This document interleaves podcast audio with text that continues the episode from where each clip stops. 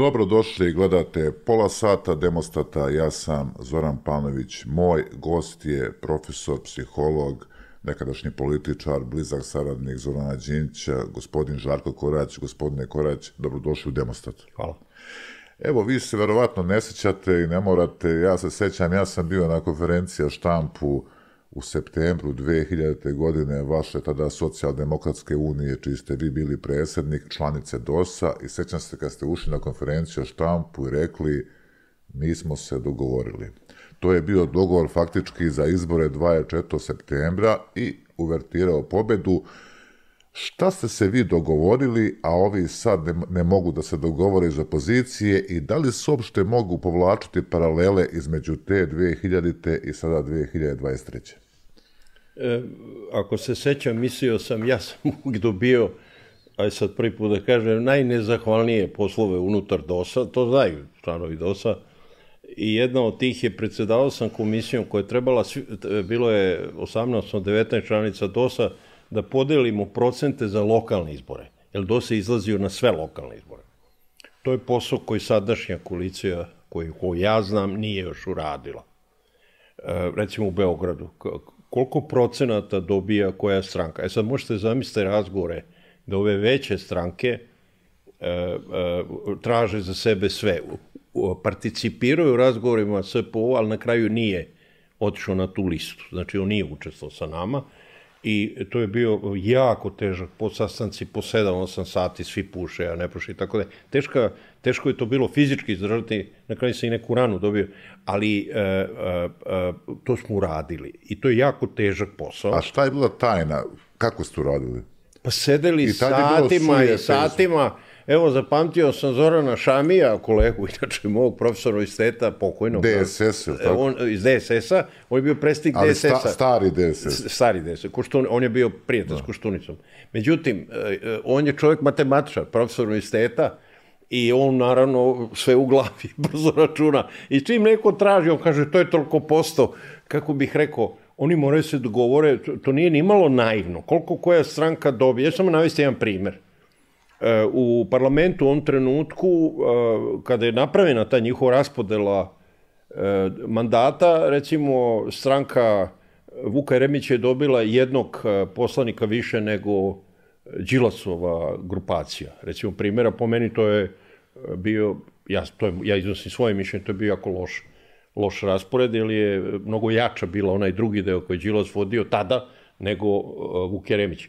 Znači, e, to je jako teško zbog sueta, zbog ideje da ti imaš puno, i neko hoće da zgrabi što više mandata, da bi onda bio slobodniji kasnije u ponašanju političkom. Jel? Evo, govorimo, profesore, razgovaramo 23 godine posle 5. oktobra, još jedna godišnjica, Često i režimska propaganda sada vrlo tendencijozno govori o 5. oktobru kao obojnoj revoluciji, a ne kao odbrani izborne volje, odnosno odbrani izbora 24. septembra, na neki način se zanemaruje ta izborna pobjeda. Kako komentarišete da se termin obojna revolucija tako tendencijozno koristi za 5. oktobar?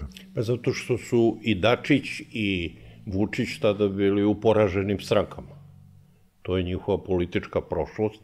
E, e, 5. oktobar je zahtev da se poštuje volja E, Milošević je skratio svoj mandat i on je, da bi povukao svoju listu, on je mogao još da bude, čini mi se, pet meseci ili šest, da bude i dalje predsjednik tadašnje Savezne Republike Jugoslavije. On je to skratio, dao ostavku, da bi vodio tu listu.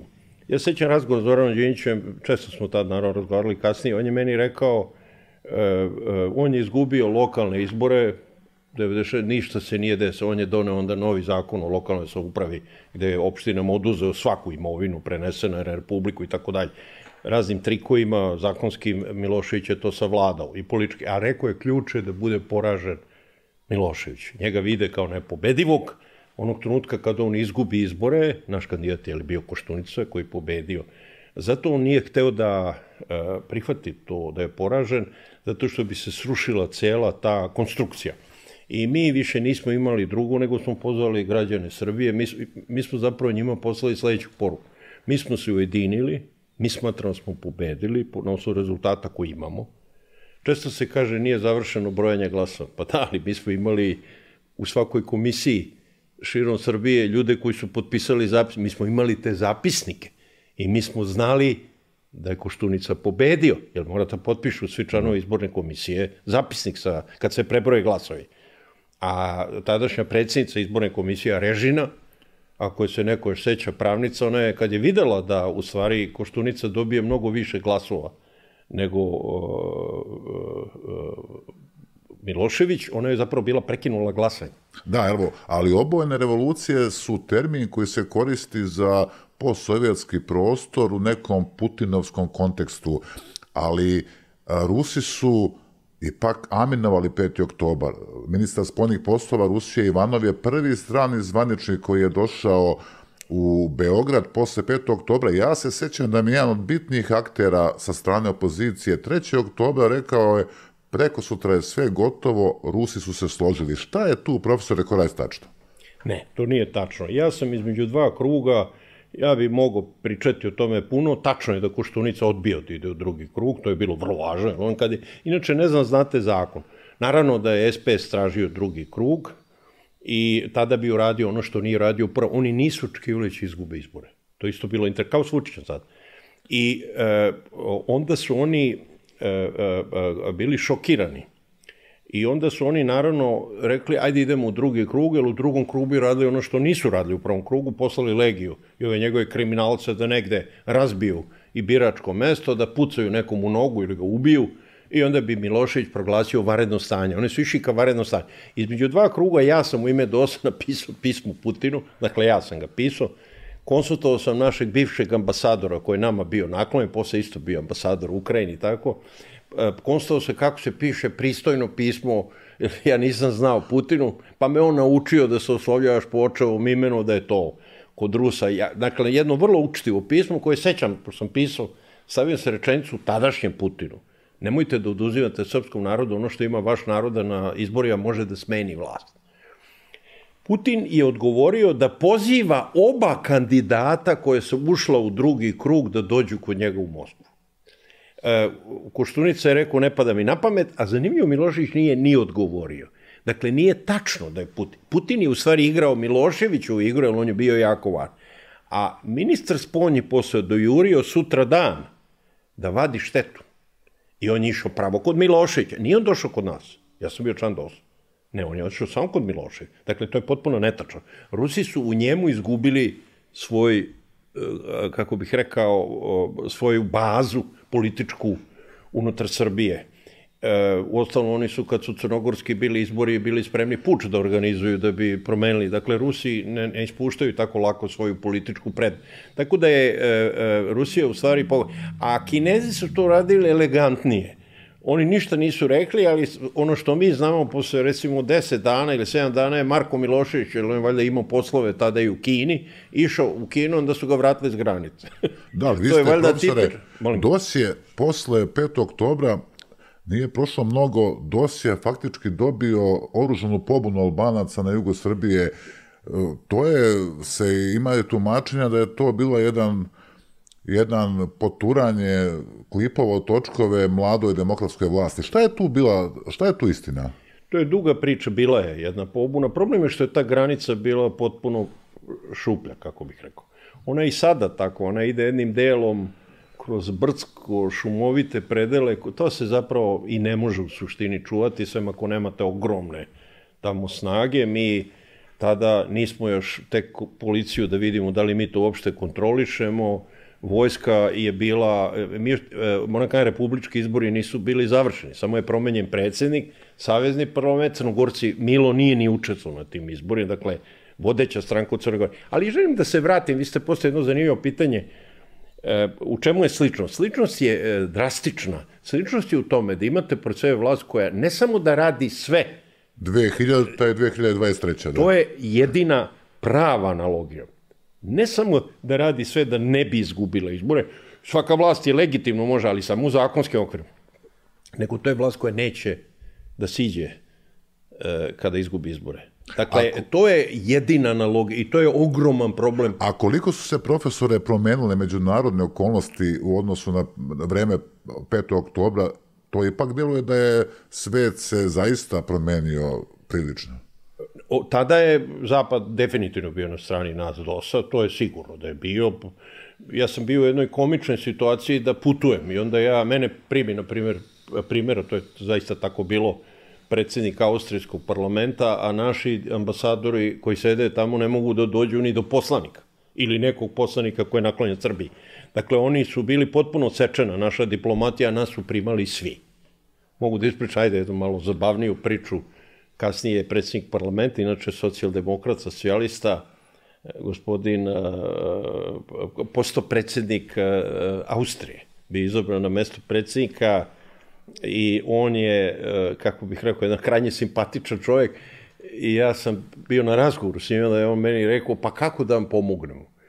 Pa kažem, ja ne. Kaže on meni ovako, a, setio sam se, imam jednog druga koji je vlasnik je velike štamparije, ja ću da ga zamolim da on vama štampa sve plakate besplatno, ono fine, one da A kaže, ja njemu imam samo jedan gospodin je Fischer, to je Heinz Fischer. Imam samo jedan mali problem, a kako će taj kamion da prođe granicu? Jer oni žive potpuno u drugom svetu. A on se ovako, inače pametan čovjek, on se ovako lupi po čelu, kaže, evo, na to nisam mislio.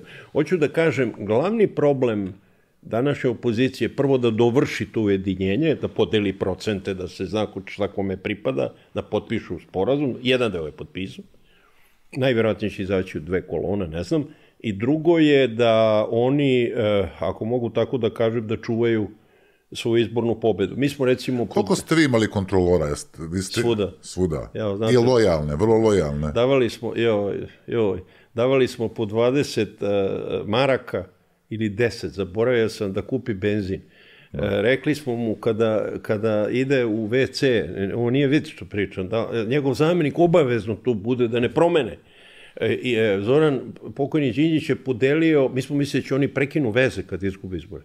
Da će da e, PTT i, i ovo, internet i sve da će se prekine i onda smo imali one, ja nisam s tim radio, one telefone satelitske, da, da, da. da možemo da javimo gde smo dobili.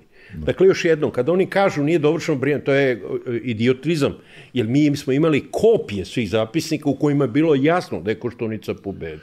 Da, ali profesore, S jedne strane je paradoksalno da Vučić ima jednu napadnu, jedno napadno čak i gađenje prema 5. oktobru, a s druge strane mnoge poteze njegove politike u ekonomiji, u investicijama, ne bi ni mogo da sprovodi da nema tekovi na 5. oktobra. E sada, on je izgleda dobro proučio Miloševićeve greške i Ono što verovatno pokušava da izbegne po svaku cenu, to je iracionalan sukop sa Zapadom, odnosno sa NATO paktom. A opet ima dosta recidiviranja na, na tu Miloševićevu politiku i rehabilitaciju apsolutnu kadrova iz te politike. Kakav je vaš komentar? On sada kada je u, kada je u krizi, no je ogromna njegova politika na Kosovo doživjela krah, ali ja lično mislim njegova politika u celini. Zapad mu polako okreće leđa, postepeno on ne vidi ovde Latriju, ali to je sad posebna tema zašto Zapad njega toliko dugo toleriše, smatrajući Srbiju velikom zemljom i smatrajući e, da ga mogu navesti e, ovaj, da se okrene Zapadu. Tipično što uradio e, preki dan rekao je, a to je odgovor Americi, da će on ići u Kinu i videti Putina tamo. A onda je posle dva dana rekao da nije to ugovoreno, nije, nije sigurno... Nije on rekao, to je jedno saznanje, bilo novinarsko, on nije demantovo, ali... Nije demantovo, on da. vrlo brzo demantuje kad nešto odmah da. spoje na da. televiziji i kaže nije tačno. To on plaši, što kažem, rešetom zapad. Ono što je on uradio, to je da je ponovo oduzeo pravo građanima Srbije da menjaju vlast na izborima. Znači, način kako on organizuje izbore, kontrola medija, zastrašivanje građana u malim mestima, pustite Beograd, Beograd je ogroman, u mali meste, 3, 4, 5 hiljada stanovnika, ljudi se boje da izgube posao. To je činjenično. I botovi. To radili su i neke druge strane. A zašto je napustio po vam malnu politiku, nazovimo uslovno liberalniju, kada je Zato što... intenzivno komunicirao sa Zapadom, žeo da se predstavi zato, kao deo zato što je, Demohrišćanske unije, Evropskih saveza, pa narodnih partija. Pa ušao je u to, u, tu je uzgradi, Ali šta je, sa HDZ-om je tu. Hoću da kažem... Šta je prekretnica tu? Da li je to povratak Šešelja u zemlju? Da li je to Rus, ruska aneksija Krima? I o, o, da li je to početak velikih afera? To je 2014. 16. To je taj period kada Vučić kreće jednu ipak konzervativniju fazu vlasti? Prvo, on, i, on je, ovo je, ovo je njegova, njegovo vjeruju, ako on uopšte ima vjeruju, ova politika koju sada vodi, koja sve, sve direktnije liči na Miloševiću, bez rata, naravno, on to ne može da vodi. I ova priča o vojsi, najjačoj vojsi su komičare, su nas su sve NATO zemlje, jedine NATO zemlje koje nisu, su Kosovo, da kažem, i Bosna i Hercegovina, su Republika Srpska, pritom uh, imaju bond stil. Zapad ima gde je NATO u suštini, ne samo NATO, ali NATO uh, na Kosovu. On, uh, on je, njegov, taj, to prividno balansiranje zapad-istok je u stvari se iscrplo. On je radio vidljive stvari, gradnja puteva, to je jako vidljivo, pruga, pruga brza. i tako dalje i ogromno zadužio Srbiju kod Kineza. Kinezi sad u težem ekonomskom položaju neće da mu odlože vraćanje dugo, ali suština je u tome što on gubi svoje biračko telo ako se stvarno okrene prema zapadu. On radi e, fokus grupe svaki dan, e, ranije je radio dva put dnevno, ja nikad to nisam čuo da neko radi. Najviše jednom nedeljno, i to je, nije često, on prepodne uradi nešto, vi ste videli, on nekad, ako, vi ste bili pa, pažljivo promeni eh, ono što je rekao na popodne, ali zato što mu to kaže istraživanje njegovo, da njegovo biračko, znači on se prilagođava svom, to je jedno najkonzervativnije i on gaji to biračko telo. Da, ali imamo tu zaista jednu tehnologiju vlasti koja je prilično pomalo unikatna, ja to zovem uh, sistem uzajamno funkcionalnih paradoksa. Evo vam primjer, intervju na CNN-u, koji je jako pomirljiv, konstruktivan, a onda odmah sat vremena posle intervju na Happy-u, gde se faktički šalju i različite poruke. Kako, ne, kako to komentariš? Ne, on je uvek tako. Mi to mi razgovaramo, mi sa tim strancima s kojim on razgovara. On, on je kod Angela Merkel nosio svesku. Vi ste zaboravili da je rekao da uči nemački. Ali šta je istina da bi, od toga? Ne, ne. On, od te dve on, stvarnosti? Ne, ne, pa to je on. Samo je mnogo privatno, mnogo, kako bi rekao, uslužniji on je učio nemački, on je, on nosi papir, pa piše, kad mu kaže Angela Merkel, on je pravio jedan privid da je on zapravo njima okrenut. To je interesantno da je to tako dugo funkcionisalo. Ali suština njegove vlasti su ipak samo dve eh, specifičnosti. Ja ne vidim druge. Prva je ta apsolutna kontrola medija, Milošević ni slučajno. Milošević je bilo dovoljno list politika i RT. Doduše, ta nije bilo privatnih televizija, komercijalni, počinio je BK, znači nije, tako, nije bilo, ali drugo je neprekidno pojavljivanje u javnosti svakoga dana. A da li mislite, profesore, da je Vučić ipak promenio socijalnu strukturu društva, da je manje ljudi sada na prinudnim odmorima, više ljudi je zaposleno, ne. da se formirala jedna nova niža srednja klasa koja je Vučićeva baza podrške. Kako to ocenjujete? Vi, ja iskreno iznenaću vas možda oduzmite u Pink šest meseci pa vidite koliko će da vlada. Znači oni gledaju ono, ja to ne gledam zaista iskreno da. stvarno, ono zadru kako se to da. zove. To je ogromna gleda. I onda idu vesti. Ima tri kanala ta televizija. I onda idu vesti u kome je on heroj koji se spasava, obezbeđuje sredstva, propala bi Srbija. Pa onda opet ide gledana emisija. Ljudi po inerciju nastave gledati. A pomenuli smo Miloševića, vi ste bili blizak saradnik Zorana Đinjića. Kada gledamo tu nekrosociologiju, sociologiju smrti, koja bolje poshumna harizma danas funkcioniše? Zorana Đinđića ili Slobodana Miloševića? U jednom trenutku Vučić je htio da se predstavi kao catch-all sinteza, da je, da je Čak on nastavlja Čeđinićeve reformske politike, a kako vreme odmiče, pojavljuje se taj reakcionarni odnos prema rehabilitaciji Miloševića ili Puzećoj ili otvorenijoj. Šta tu, kako je vaše mišljenje? Većinski građani Srbije je jedan krajnje licemeran odnos prema Miloševiću, oni ga u stvari i ne spominju.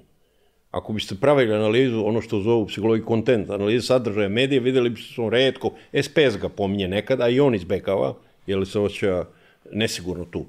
Dakle, ne pominje se Slobodan Milošević, sasvim je druga stvar njegova politika koja je sada praktično inovirana 20 godina kasnije, 25 godina kasnije. Naravno, Milošević nas uveo rat sa NATO paktom. NATO, nije, NATO nigde nije rato. U Iraku nije bio NATO, bili su Englezi i, i Amerikanci. Sve ostale NATO zemlje su odbile da učestvuju u tome, jer su znale da je to pravno i politički, politički rizično, pravno, kako bi rekao, dovoljno što su učestvovali napadu na nas, kao ta, bivšu državu. Znači, on, on gaji svoje biračko telo i zasipa ba jednom retorikom iz 90. godina i on je uspeo u tome da promeni sve s veliko broja ljudi i to je sve.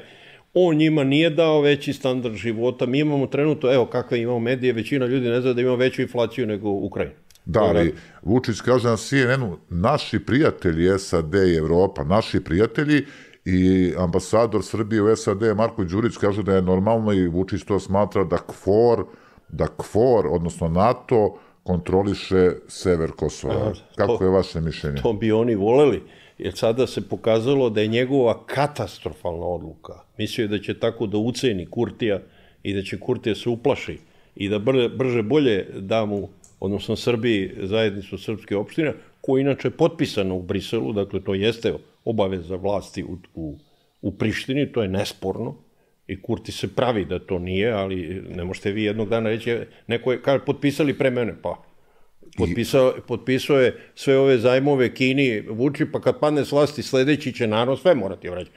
Hoću da kažem... Je li on... brisalski sporazum bio dobar, profesore? Koji? Brisalski sporazum. On je bio, po mom, mom mišlju, najviše i razumno, pa ste, oni su se preganjali oko registarskih tablica. Oni su preganjali, ne znam to znate, da podsjetim, oko pozivnog broja da. za, za Kosovo. I onda su na kraju, ne znam znate tu priču, onda je jedna zemlja evropska rekla, dobro, ne, ne, ko će da traži promenu, Beograd ne da, hoće da bude srpski pozivni, Kosovo će neki drugi, imao je privremeni drugi. I onda je rekao, jedna evropska zemlja, evo mi ćemo tražiti. A znate šta je onda bilo? To, je kao da se, to bi bilo smešno, da nije tragično. A onda su rekli i Srbi i Albanci, e, ali ko je tražio od vas prvi? da. Tako da, mi smo se raspravljali na stvarima, on to stalno dovodi na nivo suvereniteta, ali ti nemaš tamo suverenitet. I ti se stalno praviš da zadržaš jedan suverenitet koji je izgubljen kumanovski sporazum. Da li je činjenica da je Kurti zaokružuje, zaokružuje jedan čisto etno-nacionalistički koncept jedne države ili paradržave? Kurti je, Kurti je sad pokazuje neke karakter, ja ga znam, inače iz mladosti, jedini valjda u Srbiji, on je Eh, kako bih rekao, on je, sad pokazuje određene karakteristike njegovog shvatanja politike. On je, kako bih rekao, on je vrlo tvrd kao političar, lično, lično je vrlo pošten, znači nikomu nikada nije prebacio ništa da je uzo i nije uopšte ta vrsta čoveka, ali on smatra, i to je osnovni problem, eh, on smatra da je Kosovo već nezavisno. I da su svi ovi, kad je sada rekao da Srbija treba priznat Kosovo, pa će on onda da raspravlja o zajednici srpske opština, on je zapravo rekao svoje vjeruju.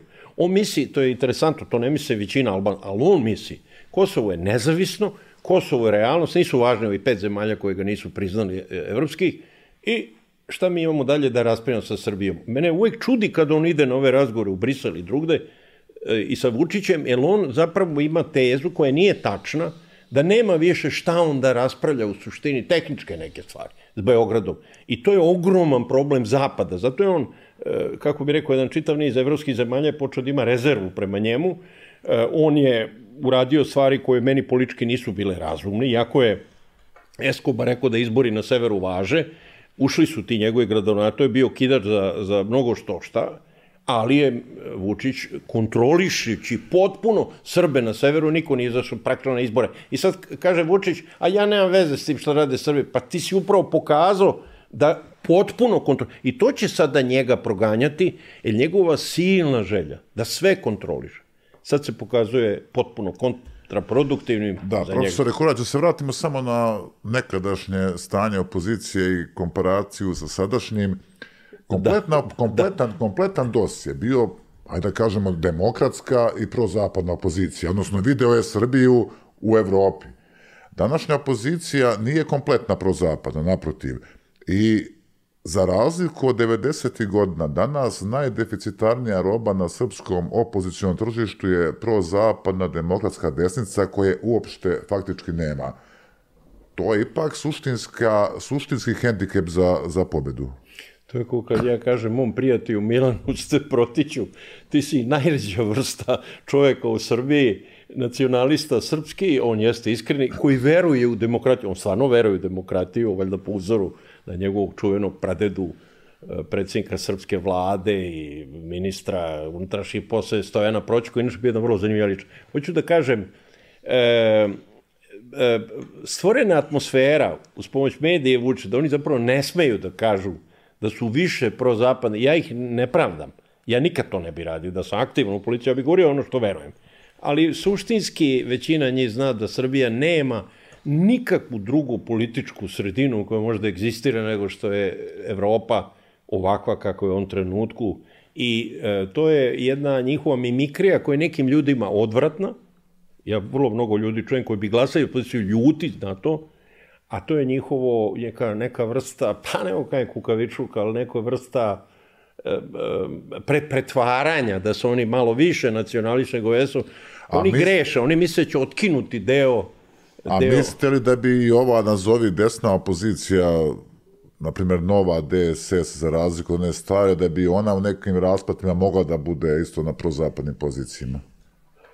To je jako teško reći. Naprimjer, Vuk Jeremić je pomišljio potpuno Otišao anti, ne, a što je udesno je jedno, nego on je anti, anti, antizapadnu retoriku uveo koja je bliska Miloševiću. Ja govorim o tipu retorike koju on koristi. Vezano za Kosovo najčešće, što je potpuno absurdo za neko ko je jeli, diplomirao na Cambridgeu i tako dalje fiziku. On, on, o, taj deo ne znam, ne umem da mu odgovorim, sigurno da Boško Obradović valjda veruje u to što priča, to su proruske stranke. Mi smo to uvek imali i Nikola Pašić je bio, jeli, otišao u Rusiju, pobegao kao Bakunjinovac, a vratio se, jeli, kao da, ali narodnjak. Mo, a može li se, profesore, biti za demokratiju u Srbiji, a biti Putinofil? Ne može. Rusija ima jedan ogroman problem. Meni je žao, ja sam iskren sad, meni je žao, to, to je narod koji ima svoje mesto u Evropi, to ne baš malo, i koji, ja sam odrasno i koji književnost, tako e, oni 200 godina ne mogu da urede državu. Imali su careve, imali su komunizam Staljina i na kraju su imali i demokratiju, ajde ovo. Znači, tri sistema. I svaki put je država ne uređa. Loša ekonomija, haos u društvenom životu, nepoštovanje samostalnosti sudova, mnogo što što. Sad je tu dodato, to je doduše Putin nije uradio, ali prihvatio, to je uradio Jelcin, jedna abnormalna pljačka tog stanovništva. Hoću da kažem, ne može ona, nažalost, biti nama uzor i meni su uvijek ljudi koji to hoće kao uzor, ja ih upitam u čemu su vam uzor država koja je neuspeš. Rusija je sem nuklearnog oružja... Da, ali ovde se, profesore, vodi jedan u Srbiji, jedan psihološki, onako, vrlo perfidan perfidna operacija, a to je da se Miloševićeva politika, ili ona politika od poznih 80. i 90. koja je skupo koštala Srbiju, da se ona u stvari sad predstavi kao neka globalna avagarda u tom trenutku koja nije bila shvaćena, a sad kad se, jel tako, svet menja u policentričan, sad će ta politika dobiti svoju punu satisfakciju. Koliko je to rizično za Srbiju? Ma nije to opet, to nije politika, kao što ni Milošević imao svoju politiku je preuzeo od vodećih nacionaličkih intelektualaca. To je politika, to vam je Dobrica Ćoć, koji je bio ideolog srpskog nacionalizma. To je ideja da smo mi poraženi, ali da su ciljevi bili ispravni. I da treba tražiti situaciju kad će sve da... Zato su oni... Zato je Mihajlo Marković, pokojni profesor, akademik, podržao puč protiv Jelcina. E, oni bi isto sad uradili da je takav neki liberal, aj kao Jelcin na vlasti. Oni stalno veruju, a svet se promenio tačno suprot od onoga što oni očekivaju, da će moć Rusije da raste, da će Evropa da uđe zbog emigranta svega u silne probleme, da će Trump da se vrati na vlast, jeli, Vučić je bio u Beloj kući kad je Trump bio, nije ga zvao Biden. Znači, oni veruju stalno u jednu mitologiju da se svet promeni, da je ta politika. Srbija, i zato je Vučić, Vučić na vlasti i njegova stranka, ona nije u stanju da dve stvari. Da pogleda svoju politiku 90. ovo što ste vi rekli i slom te politike i cenu toga. A da li je profesore Vučić napravio ipak održiv model radikala za 21. vek? A ne može to biti održiv. On, on, on uh, uh, igra igre u Bosni i u Crnoj Gori. Za Crnogoru je manje ovde poznato, u Bosni jasno, podravajući Dodika, koji opet Dodik uh, jeli, računa na Putina. To je ideja otvornih granica Srbije. To je ista ta ideja Miloševića. Ove, sećate se, sad to niko ne pominje, ovo su administrativne avnojevske granice, mi to ne priznaju, napravit ćemo drugu. Vi sad ne možete to tako reći i sigurno Hrvatska više nije, e, nemate nikakvu mogućnost, sad nemate ni tehnički više da utičete tamo, jer je Pupovac u vladi, njegova stranka, Hrvatskoj, nego ostaje vam Bosna i Crna Gora. Vi stalno, ajde, ajde Kosovo, to je jedan specifičan slučaj, ali e, šta vi imate sa Bosnom i Hercegovinom? Vi kažete, ja podržavam Dayton i celovitost Bosne i Hercegovine, onda jednu reč ne kaže na razaranje e, Bosne i Hercegovine koje pravi neprekidno Dodik. Da, ali da se vratim još malo na naš politički sistem, evo, imate toliko iskustva političko, životno, ali i aktivno kao političar. Prošlo je već 30 kusur godina od uspostavljanja više partijskog sistema u Srbiji, ali očigledno se više partizam u Srbiji nije baš primio, taj pelcer. Pa, jedno, jedno društvo, ako ne želi više partizam, on nije ni obavezan. Ne, Šta mislite vi? Ne, nisam tako drastičan. Mi imamo problem da smo imali, jeli, Žiković je sišao sa vlasti mirno, Tadić je, pre toga, jeli, Koštunica, tada imamo sukcesiju, predsednika, premijera, koji su mirno sišli sa vlasti. Mi smo se vratili na Miloševićev sistem, a to je partijska država. Ovo je, stvari, ovo je, ide, ovo je osnovna ideja komunizma. Jedna partija izražava volju naroda, nacionalno. To, to se vratilo. I naše rušenje dolaze izdajnici. Vučić govori najmonstruoznije stvari opozicije. Gledajte Ameriku koja je jednoj strašnom sukobu republikanaca i demokrata, ali ipak te reči ne koriste oni ni u kongresu, ni u senatu. Znači, on je vratio ponovo 90. u, u smislu samo ova sa zapravo punim, koalicija predstavlja Srbiju, a ovo su sve izdaj. I 90. sa punim izlazima međunarodnom podrškom. Nemamo više toliku podršku, ona je jenjava, a izlazi su sve tanji. Da, evo, profesore, vi ste socijalni psiholog, psiholog. Uh, psiholog. Dobro, ali razumete se u sociologiju, dobro. Kako biste vi dali dijagnozu našeg e, društva? Jer postoji jedna knjiga, jedna studija sa filozofskog fakulteta koja je, čiji je naslov dobra metafora razaranje društva. Naše društvo je neki način razoreno. Kako bi ga vi dali dijagnozu? Ono je definitivno razoreno sada više. Mi smo taman počeli 2001. da ga vraćamo. Ja bi sad morao navedem šta smo mi. Nas su stranci pitali kad smo došli na vlast, javno kad napravim vlada, kako da pomoći? Mi kažemo, možete struju. Oni kažemo, molim, je Srbija imala velike kap... I to je Milošević uništio. Srbija je bila bez struje. Ljudi su to zaboravili, što je logično. Ljudi ne pamte loše stvari, potisnu i treba da je tako u životu. Dakle, e, e, Srbija je ponovo razorena i ponovo ima jedan nakraden politički sistem u kome stranka na vlasti kaže ja predstavljam naciju, ja predstavljam jedne istorijske ciljeve i svi ostali su obični prevaranti i špijuni koji rade za Zapad. I to je nešto što je povratak na nultu tačku više partizma. Mi smo taman imali negde do dolaska ove stranke ideju da neka stranka dobi, mora neka izgubi. Ali čak i da bude nekih promjena većih ili manjih, ali evo profesore, dokaz je, svi traže neke nulte tačke istorije. Znači, kad je DOS došlo, krećemo od početka i 2000-te, kad je 2012 SNS došao, oni će kao da raskinu sa sistemom takozvanih žutih nulta tačka, ali evo, sad se opet očekuje neka nulta tačka, ali SPS je dokaz da nema nulte tačke. Oni Oni uvek postoje. On jedino nije bio na vlasti kad je bila moja vlada. Te tri godine nije da. bio. Posle toga je Koštunica napravio manjinsku vladu uz podršku SPS. I SPS je dobio neke položaje u vlasti, ali malo povučene, koji nisu tako vidljivi. Koštunica je vratio SPS na vlast. Ne direktno, a njegova vlada je bila manjinska. Da, da. I SPS je održavao svojim glasovima. Ali se SPS profesor regeneriše, generacijski očigledno. To je, to je tipična stranka vlasti. Da. Znači, tipično. Ali kad... može li nova vlast bez SPS-a, hipotetički, neka demokratska? Vam kažem, SPS će sa velikim zadovoljstvom kad Vučić izgubi ako, ako nema druge i te kako potrčati ovaj, opoziciji. Ponovno. Čak da završimo cinično, da li ono treba SPS-u dati garantovanu kvotu od 10% i da ne idu na izbore nikad? A ne, tre, trenutno oni uživaju na vlasti.